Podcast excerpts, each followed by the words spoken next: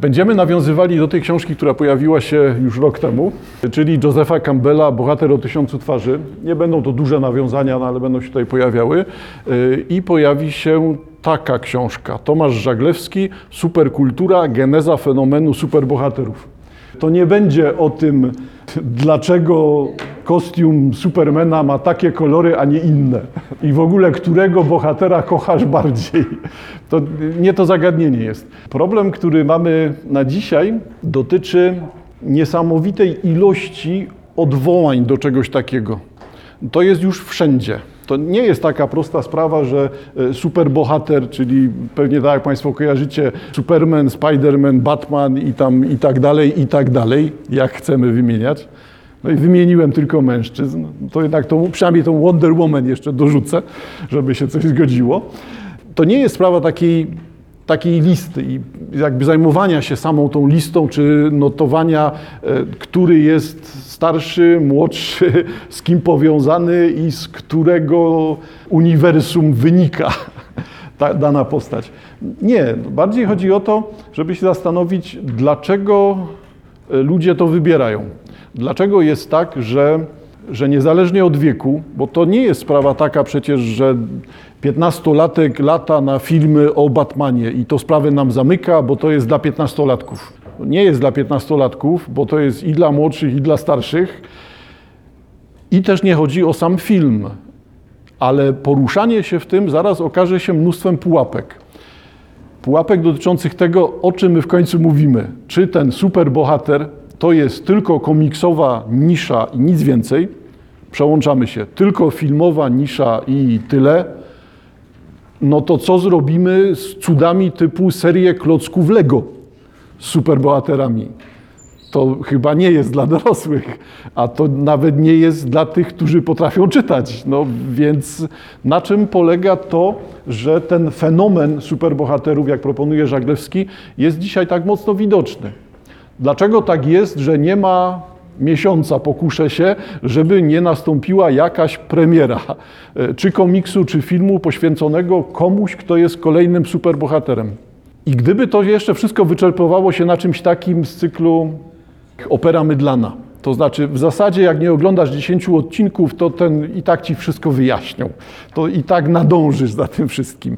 Tutaj odbywa to się tak, że te e, opowieści w wielu miejscach i w wielu mediach istnieją razem, uzupełniają się, komentują, e, tworzą coś, co rzeczywiście ci zagorzali fanowie nazywają tym pojęciem uniwersum, że to jest jakaś sąsiednia rzeczywistość, czy wyobrażona, wymyślona, e, która tłumaczy to wszystko, do której należą te dzieje superbohaterów. Jaka potrzeba ludzi sprawia, że niezależnie od wieku, niezależnie od kontynentu czy państwa, wszyscy to wybierają. Dlaczego to zjawisko jest takie masowe? Co tu się stało, co się zadziało, albo co się dzieje raczej, e, że to wszystko trwa, że to jest coś, co istnieje. E, najmniej z tej książki Żaglewskiego będę korzystał z tego, co jest dla już zagorzałych zwolenników, czyli tutaj są samodzielne części w tej książce analizujące konkretne przypadki superbohaterów bardzo wnikliwie i pojawia się masa dat, autorów komiksów, grafików, ale też reżyserów, scenografów, jak się przesiadamy na filmy, e, czy producentów zabawek Lego. Cała ta faktografia jest w książce Żaglewskiego. Wolę jednak poprzestać na tej części ogólnej. Jeżeli ktoś chce zakopywać się właśnie w tym, z jakim kontekstem powiązana jest premiera pierwszego komiksu z Supermanem w 1938 roku. Jacy bohaterowie poprzedzili Supermana i z czego on w zasadzie korzysta, bo on się nie wziął znikąd, tylko wyraźnie w 1938 roku już czytelnicy komiksów mieli poprzedników Supermana. Superman w tym momencie nie jest z rękawa wyrzucony czy wzięty, tylko Superman pojawia się jako dalszy krok, następny stopień rozwoju jakiegoś pomysłu na opowieść, która jest ludziom potrzebna. Czyli bardziej interesuje nas to, co jest tym motorem wewnętrznym, czyli nie czy pelerynki są modne, czy niemodne i dlaczego część superbohaterów musi chodzić w obcisłych gaciach, brutalnie mówiąc, bo to, to jest taka zaraźliwa cecha superbohaterów. Czyli nie, nie ta postać wizualna, tylko ta, która sprawia, że Ktoś, kto widział Batmana, pójdzie na następnego Batmana, następnego Batmana, w międzyczasie przeczyta komiksy o Batmanie w, międzyczasie, w międzyczasie e, dziecku kupi Lego z Batmanem, czy będzie układał pucle z Batmanem. I nie jest on chory psychicznie, tylko zdradza tutaj jakąś potrzebę. To nie jest kwestia zdziecinnienia, tylko to jest kwestia czegoś, co, co się odbywa. Część tych rozważań Żeglewskiego jest już tutaj. Czyli on wprowadza nam takie pojęcie superkultury, wyjaśniające to, że narzędzia, które do tej pory mieliśmy, takie proste narzędzia, to oznacza, proste narzędzia, rozumiem, brzmią tak, ponieważ napisał to Mickiewicz, nie wolno z nim dyskutować. To jest proste narzędzie. E, ponieważ autor tej książki jest noblistą, oznacza to, że cokolwiek powie i zrobi, musi być akceptowane. To są te proste rozwiązania. A my jesteśmy w sytuacji nieprostych rozwiązań, bo okaże się, że ktoś najpierw ogląda filmy, a potem dopiero uczy się czytać. I jakby uczestniczy w kulturze z drugiej strony.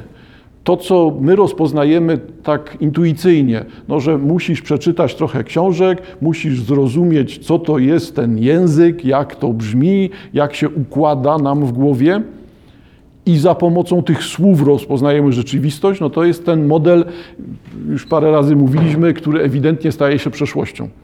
No więc jest jakiś nowy. I ten nowy model może polegać na tym, że językowo nic nie robimy. Nie musimy znać tych słów, nie musimy czytać książek, wystarczy, że znamy filmy.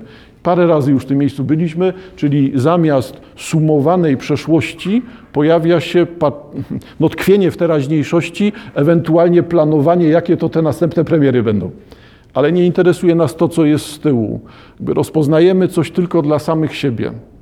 Nie istnieje przeszłość, wobec tego nie istnieje też język, autorytet, historia literatury czy historia sztuki szeroko rozumiana. Jesteśmy w innym miejscu. E, dlatego z jednej strony niby takie powiązanie typu superkultura, superbohater, ale w rzeczywistości rozmawiamy głównie o tym, czyli czym jest fenomen. Dlaczego tak jest, że patrzymy na zjawiska, które wydają się czystą rozrywką, a w rzeczywistości docieramy do czegoś, co jest niezmiennym faktem, pragnieniem, oczekiwaniem, czymś, co mamy w głowach, co nas łączy z całą przeszłością. Tylko mówię to znowu ze starej szkoły, z punktu widzenia starej szkoły. Nie tłumaczymy teraz różnic pomiędzy Supermanem a Batmanem w sensie stad, stadnin, w sensie tych firm producenckich, o, które ich wygenerowały, tylko rozmawiamy o czymś, co jednak wymaga języka, orientacji, refleksji. I ja nie wiem, czy ta refleksja istnieje współcześnie. Czy, czy ten fenomen superbohaterów, o którym teraz będziemy mówić, nie polega na tym, że jest on pozajęzykowy, wykluczony, zamknięty, jest czymś, co nie wymaga języka. Chodzi o to, że musisz nadążać. To akurat nie superbohaterzy, chociaż, chociaż w zasadzie chyba tak. Jak główna bohaterka spłonęła, a potem wyszła z tego ognia i okazała się przyszłą władczynią świata, wyciągam jeden z epizodów Gry o Tron, no to zauważcie Państwo, czy rzeczywiście ten cykl czy serial filmowy ma w sobie wartość. Gdzie jest ta wartość, jeżeli on współcześnie nie jest już oglądany? Ale w momencie, kiedy był oglądany, stał się fenomenem kultury masowej, bo okazało się, że ty musisz to oglądać. Wszyscy oglądają, wszyscy mówią, wszyscy przeżywają, wszyscy biorą urlop albo idą do lekarza, jak jest finałowy odcinek, bo każdy to musi zobaczyć natychmiast. To jest fenomen. Coś tutaj musi być takiego w tego typu opowieściach bohaterskich. Zastrzegam się rzeczywiście, że gra o tron nie jest ściśle super bohaterska, chociaż moim zdaniem tam dalej są podobne gry, podobne budowanie postaci zachodzi. E, ale fenomen jest taki sam. Dlaczego ludzie dalej pragną czegoś takiego? Będziemy odkrywali pewne rzeczy oczywiste, czyli tak jak opowieść o Odyseuszu jest odpowiedzią trwającą tysiące lat, czy żyjącą tysiące lat, no to opowieść o Supermanie jeszcze nie żyje 100 lat. Ale no dobrze jej życzmy, niech sobie żyje. Coś musi być w uczestniku, w człowieku, że ten Odyseusz, płynnie zastąpiony Supermanem, staje się dalej tą samą opowieścią. I troszkę jest z tego, co mówię tutaj. Czyli Joseph Campbell, Bohater o tysiącu twarzy, to jest ta książka pokazująca, że jeżeli rozpoznałeś dzieje Tezeusza, trzymam się tylko tego przykładu, który stosowałem, jeżeli znasz dzieje Tezeusza, to rozumiesz, e, o czym są Gwiezdne Wojny. Nie musisz tego robić, bo Gwiezdne Wojny dadzą ci przyjemność oglądania widowiska, ale to widowisko jest ewidentnie oparte na schemacie, systemie, który już istnieje w przeszłości. Czyli tutaj coś zachodzi. No, pytaniem zasadniczym chyba jest to, sam sobie muszę odpowiadać teraz, czyli tym głównym pytaniem jest to, czy to w ogóle jest potrzebne, czy tego typu refleksja dotycząca rozumienia przeszłości jest sensowna, czy żeby oglądać grę o tron wymagany jest bagaż znajomości literatury i kultury. Czy ta gra o tron oglądana bez tej znajomości jest inna? No, inna jest, ale czy gorsza, to, to nie wiem. Dziwne i chyba te pytania są całkowicie niewidzialne dla współczesnego odbiorcy. Brzmi tak, jakbym dzielił włos na czworo. Po co to robić, jeżeli zabawa jest gdzie indziej? Żaglewski musi się tłumaczyć z pewnych rzeczy, ale te tłumaczenia są dla nas też korzystne, bo bardzo wielu ludzi ma podobne opory. To oznacza, e, po co o tym mówić, po co się nad tym zastanawiać, jeżeli to właśnie, to jest dla dzieci, odkładamy sprawę. Tam nic nie ma. Kłopot jest troszkę inny. Inne jest wartościowanie tutaj. E, na co się powołuje Żaglewski? Książka amerykańska, Billa Meyera. E, książka, której celem jest udowodnienie ważności superbohaterów dla nie tylko dzisiejszej kultury. Rzeczywiście bibliografia tutaj podwołana, przywołana przez Żaglewskiego jest potężna. Dużo tej bibliografii to będą publikacje amerykańskie, ale nie tylko. Jakby w oczywisty sposób ten pomysł na superbohaterów no, będzie rzeczywiście pomysłem amerykańskim, no, ale zaraz się okaże, że to też nie jest takie proste. Klony tutaj występują wszędzie. Możemy się nawet kłócić o to, a kto był pierwszy, kto był drugi. Postać Supermana w kulturze amerykańskiej tak, ale jednocześnie możemy pokazać, że te same postacie podobne, o podobnych funkcjach, podobne wizualnie, pojawiają się w innych miejscach, w innych kulturach. W Indiach też jest odpowiednik Supermana. I to nie oznacza wersja, tylko rzeczywiście no, niby to samo, ale inna e, fabularnie opowieść, inna postać. Czyli mamy tą książkę wyjaśniającą ważność superbohaterów. Z punktu widzenia nauk społecznych i humanistycznych, Żaglewski dalej. Co najmniej problematyczne wydają się bowiem diagnozy mówiące o ostrym kontrakcie pomiędzy intelektualną dojrzałością a konsumpcją wybranych tekstów z grupy jedynie słusznych lektur. Czyli o co tutaj chodzi? Czy współcześnie można stosować stary podział? Ten stary podział polega na tym, że to jest literatura wysoka, a to jest literatura brukowa. To jest ten pulp fiction, to są groszowe powieści, brukowe powieści, wszystkie te harlekiny, klony, podobne rzeczy, czyli to jest bezwartościowy śmieć, w ogóle jak czytasz, to się nie przyznawaj, a w drugą stronę no, czytamy tylko tych, którzy mają tytuły naukowe i są nagradzani globalnie, tak? typu czytamy tylko noblistów. E, czy ta granica działa? No, wielokrotnie wygląda na to, że nie. Zresztą ona jest też prowokacyjnie przekraczana. Tak to, co robi Tokarczuk, zarówno pisząc, jak i aktywnie uczestnicząc w życiu społecznym, to są te przykłady przekraczania. Tokarczuk nie buduje siebie na wzór z szacunkiem, ale na wzór Szymborskiej. Szymborska zbudowała sobie ten wizerunek poetki odłączonej. Takiej, ja jestem sobie, to jest mój świat, to jest mój pomysł na świat, to jest mój emocjonalizm czy mój intelektualizm, kolejność teraz dowolna. Nikt mi tego nie odbierze. To jest Szymborska. Ze swoim światem, takim bardzo hermetycznym, z tymi jej wyklejankami, otaczaniem się tylko oddanymi przyjaciółmi, z nieznoszeniem krytyki, zresztą chyba nikt nie śmiał też za bardzo krytykować. Szymborska zbudowała sobie taki wizerunek poetki, filozofki, intelektualistki pewnie by się ironicznie z tym nie zgodziła, no ale ja bym się uparł, że taki się właśnie wyłania. A w tym momencie na tym tle Tokarczuk z jej wizualnie inną prezencją, z innym zaangażowaniem w takie czasowe działania, w popularyzowanie czegoś, co jest tylko tu i teraz i też podporządkowanie swojej twórczości takiemu właśnie pomysłowi, żeby to nadążało za tymi rozważaniami, które przewijają się przez dyskusje społeczne, współczesne. No to jest inny pomysł. Czy rzeczywiście ta literatura intelektualna, filozoficzna, poważna, wysoka jest bardziej wartościowa niż ta literatura bliska człowiekowi, rozpoznana, taka odczuwalna emocjonalnie? No, no nie zrobimy takiej granicy. Bo z jednej strony jest to Karczuk typu Empuzjon, a z drugiej strony jest to Karczuk typu Księgi Jakubowe. I to są no, inne rzeczy, inni odbiorcy, inne języki. A dalej twórca jest taki sam, trzymając się tylko tych ostatnich przykładów, tak, bo to wcześniej też wielokrotnie widać. Czyli tej granicy w zasadzie współcześnie nie ma. Pytanie, czy ona kiedykolwiek była?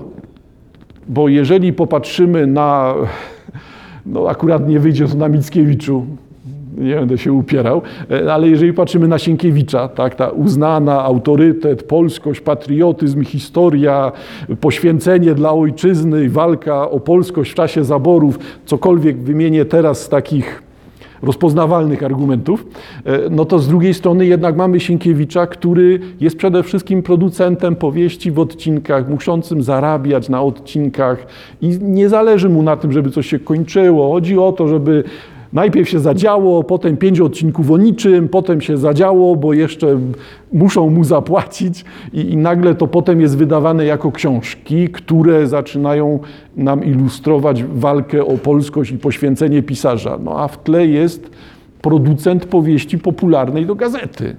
No to, gdzie jest ta granica? Wygląda na to, że ona przepadła nie, nie teraz, ona przepadła o wiele wcześniej. Czyli jak to jest, że intelektualna dojrzałość, a konsumpcja, czyli teksty do zjedzenia, masz je przeczytać, zjeść, zapomnieć, nic więcej, występują, że to jest ta, ta grupa lektur. No i dalszy argument Żeglewskiego. Przeczytanie Mistrza i Małgorzaty Michaiła Bułhakowa nie czyni automatycznie ze swego odbiorcy wysublimowanego inteligenta. Nie da się w ten sposób do tego podejść. Jeżeli nawet czytasz książkę uznaną za wysoką, akurat do przykładu to tak bym się trochę kłócił, może był inny. Jednak Mistrz Małgorzata jest powieścią, która doskonale może być odbierana jako powieść no, sensacyjna, romans, o czarach, spotkaniach z szatanem i tak dalej. Wobec tego, czy to akurat jest coś, co macie czynić wysublimowanym inteligentem. No ale dobra, no, jest argument, można było dyskutować. No to ciąg dalszy. Czyli czytanie Mistrza i Małgorzaty nie zamieni cię w tego wyrobionego czytelnika. E, tak jak śledzenie komiksowej serii o przygodach Batmana nie skłania bezrefleksyjnie swojego adresata do głosowania na Donalda Trumpa. I to akurat jest ciekawe zestawienie. I zestawienie, które pokazuje, w którym miejscu jesteśmy. Czyli jeżeli ktoś czyta komiksy, to na pewno jest młody, głupi, naiwny, i na pewno nic z tego nie wynika i poziom intelektualny ma taki, że tylko głosuje na Trumpa, bo to jest jego ulubiona postać. E, przynajmniej my możemy posługiwać się tym przykładem, bo nikt z nas nie głosował na Trumpa, nie musimy teraz się dzielić. Ale to w takim razie jedno i drugie jest zanegowane u Żaglewskiego. To nie jest tak, że czytelnicy wysokiej literatury są tymi wyrobionymi, wspaniałymi intelektualistami, e, a czytelnicy komiksów to jest to południe Stanów Zjednoczonych i tylko grill i głosowanie na Trumpa i chodzenie w konwojkach, tak, i kapeluszu. Bez obrazy dla tych wszystkich, co tam ciężko pracują. Zarysowany temat jest rzeczywiście ciekawie. Wyraźnie chodzi Żaglewskiemu o to, żeby pokazać, że tego podziału nie ma. Czyli Następnym krokiem będzie czytanie tych superbohaterów, ale na zasadzie, na zasadach przyjętych dla literatury wysokiej. i okaże się, że to jest o wiele bardziej nośne. Czyli nie na tej zasadzie, jakim zmianom ulega kolor stroju Supermana, albo na czym polega doskonalenie logo Batmana, bo ono jest tam widoczne, zachodzi w tej postaci, e, tylko musimy być gdzie indziej, pytać o coś innego. Rozterki Konrada z Wielkiej Improwizacji będą o tym samym, co rozterki któregoś superbohatera. Tylko nikt współcześnie, którego nie zmuszą, tylko już chyba nie da nikogo zmusić. Wobec tego, no ale złudzenie mamy, że jeszcze możemy kogoś zmusić w młodym wieku, żeby przeczytał jakąś lekturę. Wobec tego współcześnie, jeżeli nie jesteśmy zmuszeni, to nikt nie będzie tego Konrada z trzeciej części dziadów poznawał. Jest przepaść. Nie ta postać, nie ten język, nie ten kontekst, za duży bagaż na starcie, tego nie da się przeskoczyć. Po prostu to nie przylega ale uwagi tego typu no to jest tak jak, jak te rozpoznane wszystkie sprawy, które pojawiły się u Dukaja. Także też już to zawieszam. No to co dalej Żaglewski? Tego typu tezy, czyli to o tym, kto jest intelektualistą, a kto jest prostakiem, kowbojem, tego typu tezy brzmią niczym najbardziej powierzchowna interpretacja krytycznego odczytania kultury masowej przez przedstawicieli szkoły frankfurckiej z lat 20. XX wieku. Zostawiamy to szkoły, chodzi o to, że to jest jeszcze ten model literatury po staremu czytany. Nic, co pochodzi z gazety, nie może być cokolwiek warte. Gazeta to są śmiecie, to jest tymczasowe, to jest sieczka dziennikarska, tam nie ma nic. Genezą superbohaterów rzeczywiście są gazety, bo pierwszym skojarzeniem, które tu się pojawia, jest ten wizerunek, który budowany jest w krótkich odcinkach w gazetach. I z tego dopiero wyłaniają się te dłuższe opowieści, czy też te zeszytowe wydania. Ale pierwotnie to jest po kilka obrazków, w których coś się rozgrywa, jako model rodzenia się, czy no, geneza po prostu superbohaterów. Gdzie tutaj jest opór? Tak naprawdę wymagane jest coś nienaturalnego w takim sposobie myślenia, do którego sięgniemy za chwilkę. E, coś nienaturalnego, co dla mnie ujawniło się w momencie, kiedy ta opowieść Żaglewskiego zaczęła mi przypominać opowieść z opowieści z okazji stulecia myszki Miki. Dlaczego? E, dlatego, że my sobie nie zdajemy z pewnych rzeczy sprawy. Dla nas wygląda to jak czysta rozgrywka, e, rozrywka. No, myszka Miki jest rozpoznawalna, uszy ma, nos ma, czarne, szelki ma na spodenkach krótkich i tyle. No i podejrzewam, że to samo spojrzenie na Supermana czy Batmana będzie takie samo. No przecież widać jest nie, niebiesko-czerwone, eskę ma na, na, sobie, wobec tego pewnie to jest Superman. Jeszcze jak popatrzymy na loczek, loczek jest bardzo rozpoznawalny u Supermana. Ale nie jesteśmy w tym miejscu. Tak, i wydaje to się oczywiste, tak, Superman, Batman. Tylko to jest chyba znowu nie, nieczytelne. E, myszka Miki. E, myszka Miki współcześnie jest zbudowana jako postać, którą ja no może na siłę i tak z krzywdą, ale umieszczałbym gdzieś na poziomie filmów dla 4-5-latka, czyli jesteśmy w filmach, czy też w odbiorcy typu Teletubisie. O, myszka Miki jak Teletubisie. Tak jest odbierana.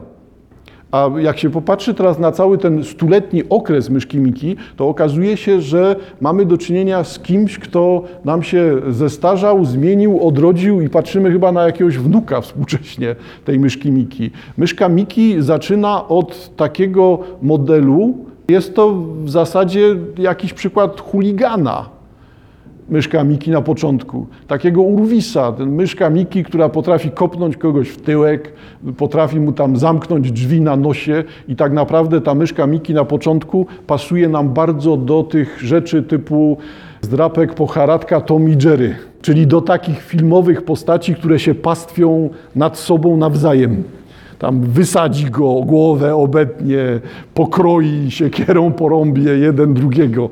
I to jest to, od czego zaczyna myszka Miki, a w rzeczywistości po drodze mieliśmy myszkę Miki, która e, zaczęła się zachowywać, która zaczęła się prowadzić z płcią przeciwną, która zaczyna funkcjonować w rodzinie, za, zarabiać pieniądze. Nagle tą myszkę Miki, jak już miała 50 lat, e, widzimy, e, że nie ma to jak samochodzikiem na trawce, kocyk, drugie śniadanko, posiedzieć i popatrzeć na rzekę. I to jest dalej niby ta sama postać. I to, co się współcześnie dzieje, no to jest powrót z tą myszką Miki na początek. Właśnie, żeby się działo, wybuchało, żeby można było wyrzucić przeciwnika przez okno, czy w sensie myszka Miki wyrzuca przez okno, co było nieakceptowalne przez kilkadziesiąt lat. Czyli wizerunek to jest jedno, ale rozumienie tego wizerunku albo sposób odnalezienia siebie w tym wizerunku, to już to może być za daleko, e, jest już inną opowieścią. Czy rzeczywiście Superman jest zawsze ten sam? Wygląda na to, że całkowicie nie, bo Superman na 1938 roku to on jeszcze nawet z nazistami nie zaczął walczyć. A za chwilkę będziemy mieli Supermana, który walczy z nazistami, no bo, bo tak. A potem będziemy mieli wersję Supermana, który staje się Supermanem, którego, który przyleciał na naszą planetę i rozbił się pod Moskwą i jest Supermanem czerwonym, w ogóle komunistycznym. Nie, że go wymyślili Rosjanie, tylko po prostu pojawia się tego typu wariant e, opowieści. Zaczyna tu się dziać coś dziwnego, co nas moim zdaniem uwalnia od takich podstawowych skojarzeń. Nie można na to patrzeć w taki sposób e, oczywisty. To znaczy, jak zobaczyłem jednego superbohatera, to w zasadzie to jest nudne. Ja nie ukrywam, że tak jest. Moim zdaniem tak jest. To są filmy o tym samym, modelowe, sztampowe. Pytanie, które zmienia te filmy, jest pytaniem o to, dlaczego ludzie to wybierają. Mówiąc komercyjnie, dlaczego chcą za to płacić. To są dalej filmy kasowe przecież. No one nie są niszowe dla fanatyków, tylko to są filmy, które robią te miliony dolarów. Wobec tego ludzie chcą za to płacić. Coś dzieje się takiego, co sprawia, że, że my w tym uczestniczymy. Co się zmienia wobec tego? Sposób czytania, też upraszczam teraz, bo to jest o wiele, publika wiele publikacji wcześniej, ale sposób rozumienia tych superbohaterów e, zaczął się e, od książek Umberto Eco, od eseju Umberta Eco Superman w kulturze masowej e, i to jest postać no, bardzo znana, Umberto Eco to jest ten od imienia Róży, postać bardzo znana, bardzo znanego naukowca, mediewisty, semiotyka, czy też semiologa, czyli jednocześnie i znawcy literatury, profesora, i filozofa, i autora książek, wszystko naraz, czyli bardzo, bardzo nośna, potężnie, postać o potężnych wpływach. I to on wybiera Supermana, pokazując, że tutaj coś się dzieje że możemy mieć refleksję, która znacznie przerasta sam oryginał.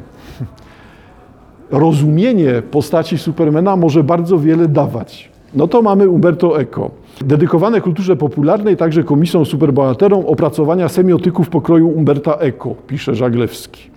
Co ważniejsze jednak, tego rodzaju rozumowanie na temat superbohaterów jako fenomenu oddelegowanego wyłącznie do sfery pozbawionej jakiegokolwiek znaczenia, intelektualnej zabawy, należy z całą mocą odrzucić z uwagi na coraz szerzej uświadamianą istotność zjawiska superbohaterów nie tylko dla poszczególnych branż z kręgu kultury popularnej, ale i historii kultury w ogóle.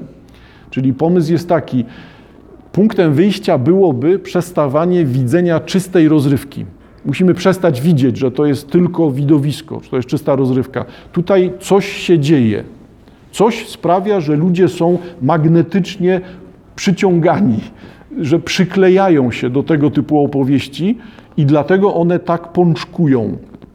No bo sami Państwo wiecie, tak, no to są te dziesiątki postaci superbohaterów, a nie tylko Superman.